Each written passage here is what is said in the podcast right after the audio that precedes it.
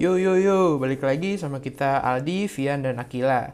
Nah, di episode kali ini kita bakal ngomongin tentang salah satu KPD yang ada di DTM nih, yaitu SMI. Seperti apa keseruannya? Check it out guys. Pagi mesin, balik lagi sama kita di Perspektif Mesin. Uh, kenalin lagi, gue Aldi dari Mesin 20. Uh, kenalin, gue Vian dari Mesin 20. Gue Akila dari Kapal 20.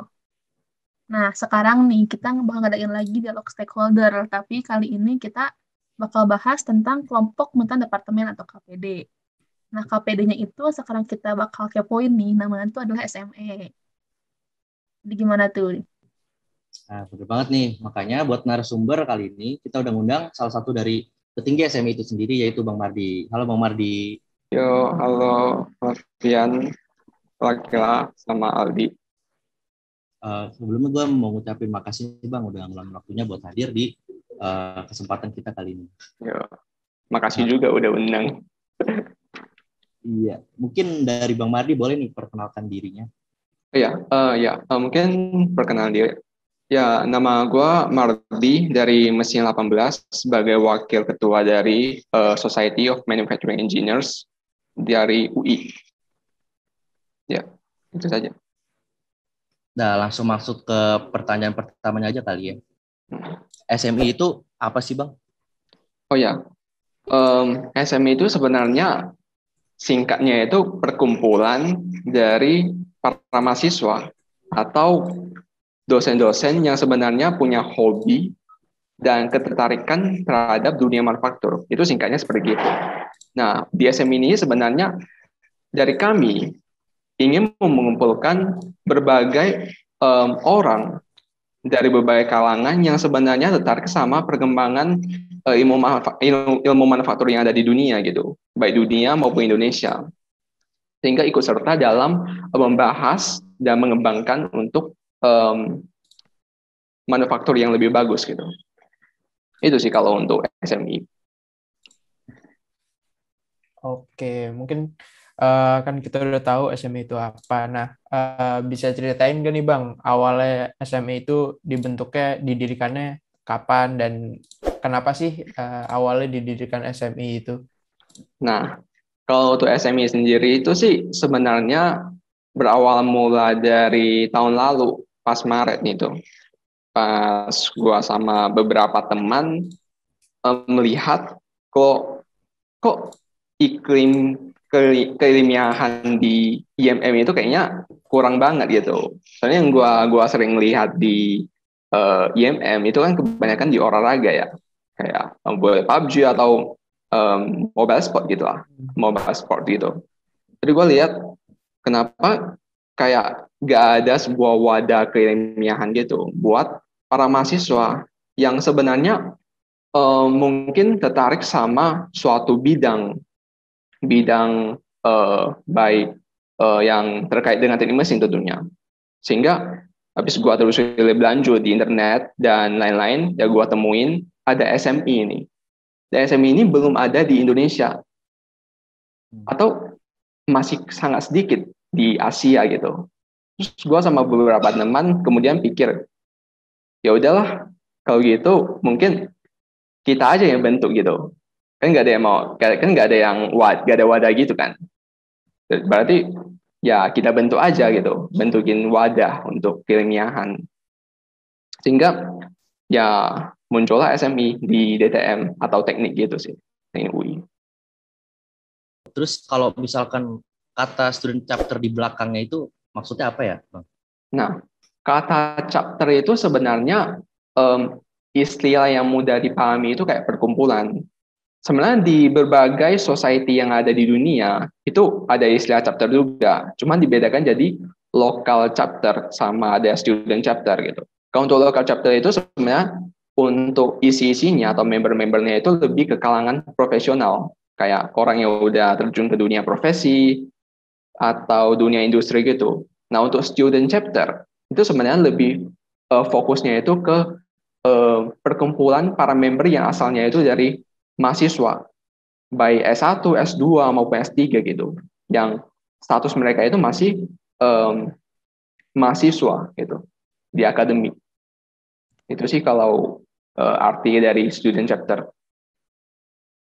Uh, berarti student SPI kan itu student chapter ya? Hmm. SPI. SMI pun juga student chapter. Nah, itu ada ininya juga ya, Bang? Apa? Kayak semacam pusatnya gitu di Amerika atau di luar sana. Nah, iya nih.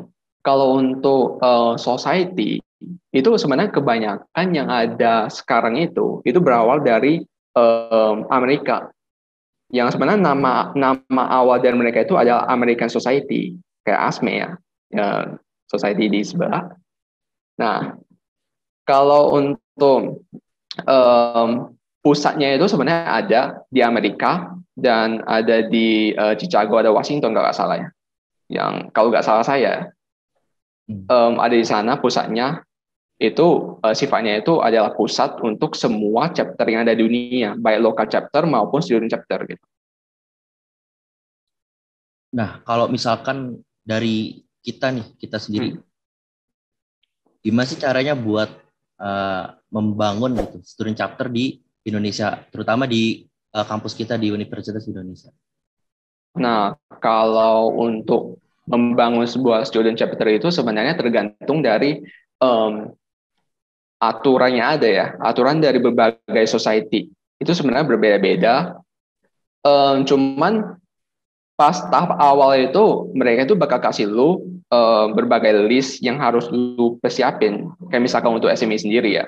SME sendiri itu di, diharuskan untuk kayak um, menjalanin enam bulan, enam bulan sebagai student unit sebelum menyandang sebagai student chapter. Yang sebenarnya untuk SME sendiri sekarang masih di tahap student unit itu.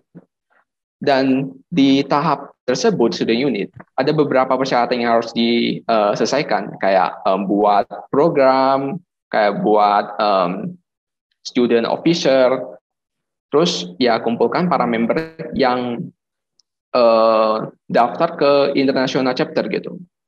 Nah, cuman kalau dari tiap society akan berbeda-beda itu aja sih sebenarnya ngikutin aja dan setelah uh, melewati proses tersebut itu otomatis kita bakal diakui sebagai sebuah uh, student chapter. Kalau di UI sendiri sebenarnya untuk expertnya itu mungkin boleh tanya ke MPM aja ya. Cuman sebelum um, uh, eh, SME menjadi student unit di uh, teknik itu sebenarnya udah melewati berbagai proses sehingga diakui sebagai sebuah student unit yang ada di teknik itu. Itu aja sih. Jadi kayak berbeda-beda dari setiap ini ya bang. Iya. Uh. Oke. Oke, okay, hmm. tadi kan kita udah bahas nih secara umum atau luas ya tentang SME. Nah sekarang kita mau beralih ke personalnya Bang Mardi sendiri nih. Hmm. Tadi Bang Mardi sendiri dulu gimana sih Bang uh, ceritanya jadi ke wakil ketua dari SMA itu sebenarnya gimana sih? Nah, itu sebenarnya pas pas pemilihan um, kita namanya itu board of director ya, kayak uh, pemangku jabatan gitu sih sebenarnya. Kalau nama kerennya itu. Nah, sebenarnya kalau dari internal kita itu sifatnya itu lebih demokratis sih. Jadi ya di voting aja sih, di voting dan jadi um, uh, berbagai jabatan gitu. Kayak misalkan lu itu mau di jabatan uh, segi uh, mau di jabatan ini, terus ya orang lain setuju atau enggak gitu voting itu sih sebenarnya. Kalau um, kenapa gua bisa jadi wakil ketua itu dari hasil voting sih dan teman-temannya mempercayai gua sebagai uh, wakil ketua gitu sih. Jadi votingnya secara itu bang, kayak musyawarah gitu? Ya musyawarah. Cuman untuk votingnya itu sebenarnya hanya ada di internal uh, para direktur aja sih, belum uh, ke tahap uh, uh, member, ke anggota-anggota atau member-member yang masuk ke dalam SMI. Soalnya kemarin itu pas dibuat uh, uh, BODIS itu sebenarnya untuk member itu masih belum ada, masih belum direkrut gitu. Oke. Kalau dari Bang Mardi sendiri, tugas Bang Mardi sebagai wakil itu apa sih di SMA? Nah, kalau um, gue sebagai wakil ketua itu sebenarnya sifatnya gue itu lebih ke eksternal. Jadi um, gue itu sebenarnya lebih sifatnya itu menghubungi uh, international chapter yang di mana itu sebenarnya tahapan sekarang itu kan kita masih uh, istilahnya itu magang sebagai student unit sebelum jadi uh, student chapter gitu kan. Nah, sifatnya gue itu sebenarnya lebih ke eksternal yang segitu, kayak uh, menghubungi uh, dari menghubungi international chapter, kayak misalnya persyaratan apa yang kita harus siapin, terus sampai tahap-tahapannya itu harus gue um, coba ngomongin gitu sama mereka. Kalau untuk internal uh, di SME ini sebenarnya yang gue pegang itu lebih ke uh, bagian internal lembaga kayak misalnya Kestari, R&D, dan uh, Keben gitu sih. Atau di kita itu finance. Memegang itu lebih ke sana sih. Kalau untuk uh, ya. Terus kalau sekarang nih Bang, kegiatan yang dilakukan oleh SME itu apa sih Bang? Kayak yang rutin atau mungkin yang pernah diikuti oleh MI? Nah, kalau untuk broker-broker yang udah dilakuin SME itu sebenarnya ada beberapa kayak internet training. Internet training itu sifatnya itu kayak uh, buat sebuah wadah forum discussion. Yang sebenarnya pas awal itu bakal ada um, istilahnya kayak kelas atau seminar gitu dari para, para ahli yang kita undang. Kayak membahas tentang sebuah topik dan kemudian itu para member itu akan diarahin untuk mendiskusikan topik tersebut. Itu untuk internal training atau sifatnya itu manifest. Kalau eh, teman-teman uh, tahu manifest. Uh, selain itu ada certified training yang arahnya itu uh, pelatihan yang bersertifikasi. Yang sebelumnya udah kita lakuin satu kali dengan partner dari Evolusi 3D, khususnya membahas tentang um, Solid Edge, software Solid Edge dari uh, Siemens dari Siemens. Terus ada micro. Micro ini sebenarnya kita mengundang para uh, senior atau yang sudah bekerja ya, khususnya sudah udah pasca kampus untuk kembali ke seminar ini untuk meng-sharing tentang bagaimana uh, pengalaman mereka supaya bisa uh, mencapai posisi tersebut itu untuk micro dan micro itu sifatnya lebih ke uh, non engineering Nah, selanjutnya itu ada assign, sharing with uh, sharing insight with manufacturing engineers. Yang di mana ada um, istilahnya kayak um, TW-TW. Ada sesi TW-TW dengan para ahli yang sisinya itu lebih ke engineering. Engineering ke dunia industri, engineering. Kemudian uh, tidak jauh berbeda dengan mikro, saling TW-TW bertukar wawasan tentang apa yang sudah mereka dapatkan uh, selama pasca kampus dan lain-lain. Um, ya, mungkin uh, demikian sih kalau untuk broker-broker yang udah dilakuin sama SMI. Nah, kalau KPD lain kayak misalkan HTW gitu kan kapal ya, terus aero kan pesawat gitu ya bang. Kalau misalkan SMI itu kan manufacturer itu dia ada kegiatan kayak di bengkelnya gitu nggak sih bang? Atau nanti kita diarahin uh, untuk manufacture suatu barang atau gimana gitu bang? Nah, kalau untuk SMI, nah tidak bisa dipungkiri sebenarnya untuk SMI ini sifatnya lebih ke keilmiahan.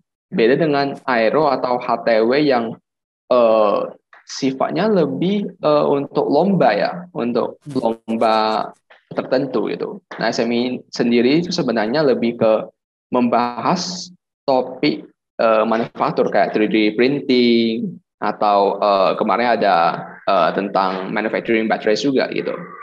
Kalau untuk uh, istilahnya kayak bengkel itu sebenarnya belum ada sejauh ini. Tapi mungkin saja di certified training yang akan diadain uh, di masa depan itu bakal ada uh, training yang khususnya workshop untuk mempelajari kalian-kalian uh, manufacturing kayak bubut atau lain-lain yang tentunya akan bersertifikasi gitu.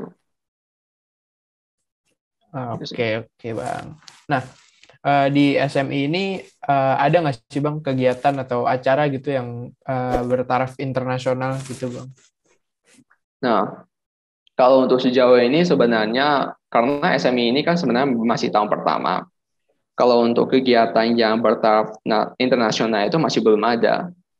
Cuman kalau untuk yang bertaraf nasional, nah sebenarnya masih dalam um, udah mau dirilis dalam rencana kita itu ada uh, competition SME competition yang kus, uh, sifatnya itu lebih ke nasional uh, cakupannya itu lebih ke nasional dan mengundang mahasiswa dari Indonesia untuk mengikuti competition tersebut ya kalau internasional sih belum ada ya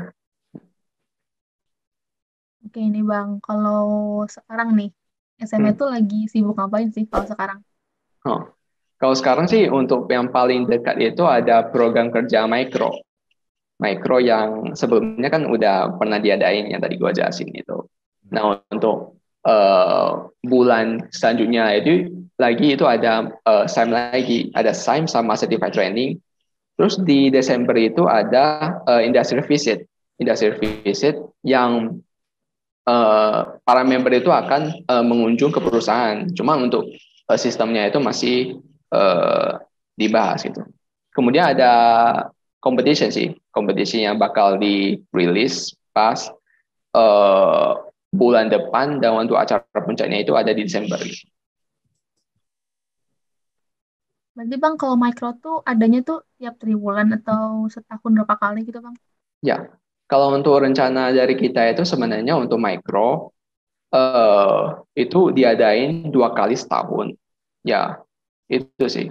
Cuman em, harusnya itu eh, tiap tahun, tiap pergantian pengurusan itu setiap eh, istilahnya pemangku jabatan ya atau setiap BOD itu pasti punya kebijakan tertentu sih, tergantung dari mereka. Cuman kalau untuk tahun ini mikro diadain dua kali dalam satu kepengurusan ini. Oke. Terus nih Bang, kalau misalnya ada mahasiswa nih yang kayak baru punya minat masuk SME nih. Hmm. Kalau kita masuk SME itu pertama kali langsung jadi member staff atau apa gitu Bang, pertama kali masuk. Nah, kalau untuk em, yang baru masuk ya mahasiswa baru, sebenarnya tergantung dari em, kemauan masing-masing mahasiswa sih. Soalnya tidak jarang karena kemarin pas kita pembentukan SMI itu juga banyak staff yang sebenarnya eh, masih mahasiswa baru atau istilahnya kemarin ya angkatan 2020 itu masih mahasiswa baru kita rekrut jadi staff gitu. Dan ada juga sebenarnya yang 2020 itu jadi member tergantung dari kemauan dari eh, mahasiswa yang eh, bersangkutan itu. Cuman untuk perekrutan itu sebenarnya bakal diadain tiap Januari gitu sih untuk pergantian pengurusan. Berarti kalau oprek itu adanya di awal Januari ya Bang, selalu gitu. Ya, ya benar. Terus kalau member sama staff tuh perbedaannya di mana ya Bang? Nah, kalau untuk member itu sebenarnya eh, sifatnya itu lebih ke mengikuti acara, mengikuti eh, rangkaian proses yang udah dirancang sama SMI itu. Kalau untuk staff itu staff terlibat dalam pelaksanaan proker, pelaksanaan acara. Jadi staff itu kita eh, arahin untuk menjadi eh, bagian untuk pelaksana acara atau panitia. Kalau untuk member sendiri hanya mengikuti eh, rangkaian acara yang udah kita eh, susun atau kita sesuaiin sama minat dari para member. Oke. Terus nih Bang, kalau cara join SME gitu dari awal kayak kita daftar, kita ngisi apa Hmm. kayak ngisi G-form atau mungkin kita bikin CV itu sampai keterima tuh alurnya gimana Bang?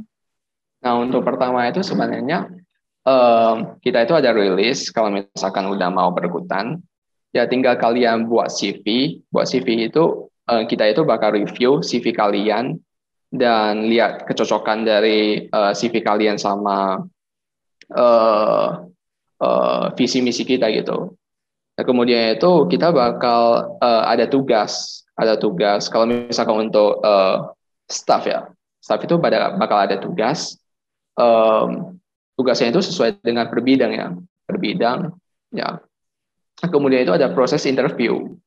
Nah setelah interview bakal eh, ada hasil akhir. Kalau misalkan eh, lolos eh, diterima sama SMI itu bakal direkrut jadi eh, staff SMI nah kalau biasanya eh, untuk member itu bakal sampai tahapan CV saja sih. Kurang lebih sama lah ya sama organisasi lain ya bang. iya iya. Nggak beda jauh sih sebenarnya. Buat eh, perekrutannya sendiri nih Bang, kira-kira dari SMA sendiri ada kriteria khusus nggak sih yang dicari gitu untuk jadi member? Um, kalau dari kita sih khususnya cuma satu sih, mungkin bisa dibilang yaitu orang-orang yang mungkin uh, tertarik sama manufaktur. Soalnya kalau misalkan um, dari mahasiswa atau orang yang ingin masuk SMI tidak memiliki um, minat uh, terhadap manufaktur, sebaiknya ya jangan sih. Soalnya yang bakal kita bahas itu sangat-sangat uh, related sama manufaktur gitu. Oke, nah terus kira-kira uh, apa aja sih bang benefit-benefit yang bisa kita dapetin ketika kita bergabung di SMI?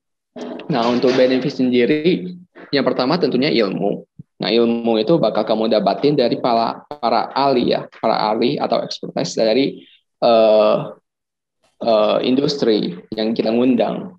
Yang kedua itu tentunya relasi gitu, relasi uh, dengan para para ahli sorry, para ahli yang uh, kita undang. Soalnya ya, untuk para ahli tidak tidak jarang ya dari mereka itu kayak mengeser kontak mereka untuk uh, dihubungi itu kalau misalkan mau dibahas lebih lanjut tentang uh, suatu topik. Yang ketiga itu kayak certified training. Untuk certified training itu kalau misalkan untuk para staff atau uh, member itu biasanya hanya um, kita itu uh, kayak untuk biaya ini itu akan lebih eksklusif. Untuk lebih eksklusif dibandingkan dengan yang umum kalau untuk server training. Itu sih. Terus untuk benefit lain sebenarnya tidak jauh berbeda dengan organisasi lain. Ya cuman yang kita khususkan itu ya untuk manufaktur skill manufaktur certified untuk manufaktur Oh, jadi kalau misalkan ada suatu acara atau kegiatan yang dilaksanain sama SMI, eh, para member tuh dapat kelebihan ini ya, kayak dapat potongan harga atau semacamnya kayak gitu. Ya, malahan ada kebanyakan dari acara kita itu memang uh, free atau gratis untuk para member. Hmm. untuk uh, acara kayak certified training yang memang itu kita bekerja sama sama uh, bekerja sama dengan uh, partner luar yang sebenarnya dari mereka itu juga uh, uh, kurang berprofit ya. Jadi ada fee sedikit untuk mengikuti acara tersebut. Nah, kan acara itu kan tadi dibuat memang untuk uh, memberikan ilmu atau wawasan kepada member dan juga orang-orang yang mau ikut. Nah, hmm. kalau dari SMI-nya sendiri, kalau membernya nggak pengen ikut itu gimana sih? Atau member tuh diwajibkan untuk mengikuti setiap kegiatan dari SMI? Nah, kalau untuk uh, ikuti acara ya kita bilangnya, sebenarnya member itu tidak dipaksa untuk wajib mengikuti setiap rangkaian acara yang ada gitu. Hanya saja kalau misalkan um, kita itu kan sebenarnya udah menyediakan uh, sarana ya, sarana tentang sebuah topik yang advance atau pembicara yang ahli dari manufaktur dari topik tertentu kan sangat sayang ya kalau misalkan uh, gak ikut karena lumayan juga untuk menambah wawasannya yang bakal jadi bekal ya, bekal untuk uh, pasca kampus gitu. Atau sekedar untuk uh, hobi atau minat aja gitu. Oke, uh, mungkin selanjutnya ini sih, uh, gimana sih rencana SMI ke depannya uh, supaya student chapternya ini bisa berkembang lebih baik lagi? Nah, tentunya yang pertama itu yang kita harus bilang itu kita memang harus uh, jadi student chapter resmi dulu gitu. Karena sekarang itu seperti yang tadi gua bilang itu masih student unit ya. Pertama student chapter dulu. Nah kemudian itu untuk tahun depan ketika pergantian ke, ke pengurusan pergantian ke pengurusan yang kita harapkan itu sebenarnya orang orang-orang yang mempunyai um, insight atau visi misi yang ingin membawa SMI ke arah yang lebih maju, ya, yang lebih advance atau lebih berkembang daripada tahun pertama SMI ini. Oke, okay. um, mungkin untuk pertanyaan penutup sekaligus pertanyaan terakhir, ada nggak sih bang pesan-pesan buat uh, para pendengar nih yang mau join SMI tapi masih bingung? Nah, sebenarnya kalau buat pesan yang ke, buat pesan-pesannya, itu mungkin kalau misalkan lu uh, tertarik banget sama manufaktur atau pengen kepoin-kepoin tentang uh, topik manufaktur yang sebenarnya udah lu pelajarin di uh, proses manufaktur ya barangkali namanya masih gitu ya proses manufaktur atau di mata kuliah-mata kuliah tertentu kayak perancangan mekanika dan lain-lain. Nah ini sebenarnya untuk SMI merupakan pilihan yang uh, terbaik untuk kamu karena di SMI sendiri itu bakal mengupas banyak hal tentang apa yang ya apa yang udah lu pelajari di uh, perkuliahan atau yang menjadi uh, perkembangan atau yang terupdate di dunia sekarang ini gitu. Oke, mungkin uh, buat episode SMI kali ini kita cukupin sampai di sini kali ya. Sebelumnya, gue mau ngucapin makasih sekali lagi buat Bang Mardi yang udah ngulangin waktunya nih buat sharing-sharing kita membagi ilmu pada kesempatan kali ini. Uh, gue yang tadinya kurang paham soal SMI, habis ngobrol sama Bang Mardi, jadi lumayan ngerti sih soal ini. Nah, buat para pendengar juga dicatat ya, yang mau join SMI itu open recruitment tadi bakal ada di sekitaran bulan Januari ya bang kalau gue nggak salah. Ya, di akhir Januari gitu. Iya di akhir ya. Januari. Nah itu tadi yang perlu disiapin tuh ya kayak CV dan juga kalau mau join sebagai staff itu perlu ngerjain tugas uh, tergantung dari bidang-bidang yang kalian mau. Hmm. Juga uh, untuk terakhirnya bakal ada interview dari uh, tiap-tiap bidang itu. Oke mungkin sekian dari kita. Jangan lupa buat saksiin episode-episode kita berikutnya uh, hanya di YouTube IMM dan Spotify Perspektif Mesin. Saya Vian. Saya Aldi. Saya Akila. Pamit undur diri. Sampai jumpa di episode selanjutnya. Dadah. Dadah. Nah, mungkin sebelum kita sudahi podcast kali ini, gue mau ngingetin lagi nih buat kalian semua. Buat follow Spotify IMM, IG IMM, dan jangan lupa juga buat subscribe YouTube IMM, sama connect LinkedIn IMM. Nah, uh, sama terakhir gue mau pantun nih. Ibu Hajah pergi mengaji pulang-pulang bawa bingkisan. Makasih udah dengerin sampai sini semoga podcastnya berkesan. See you guys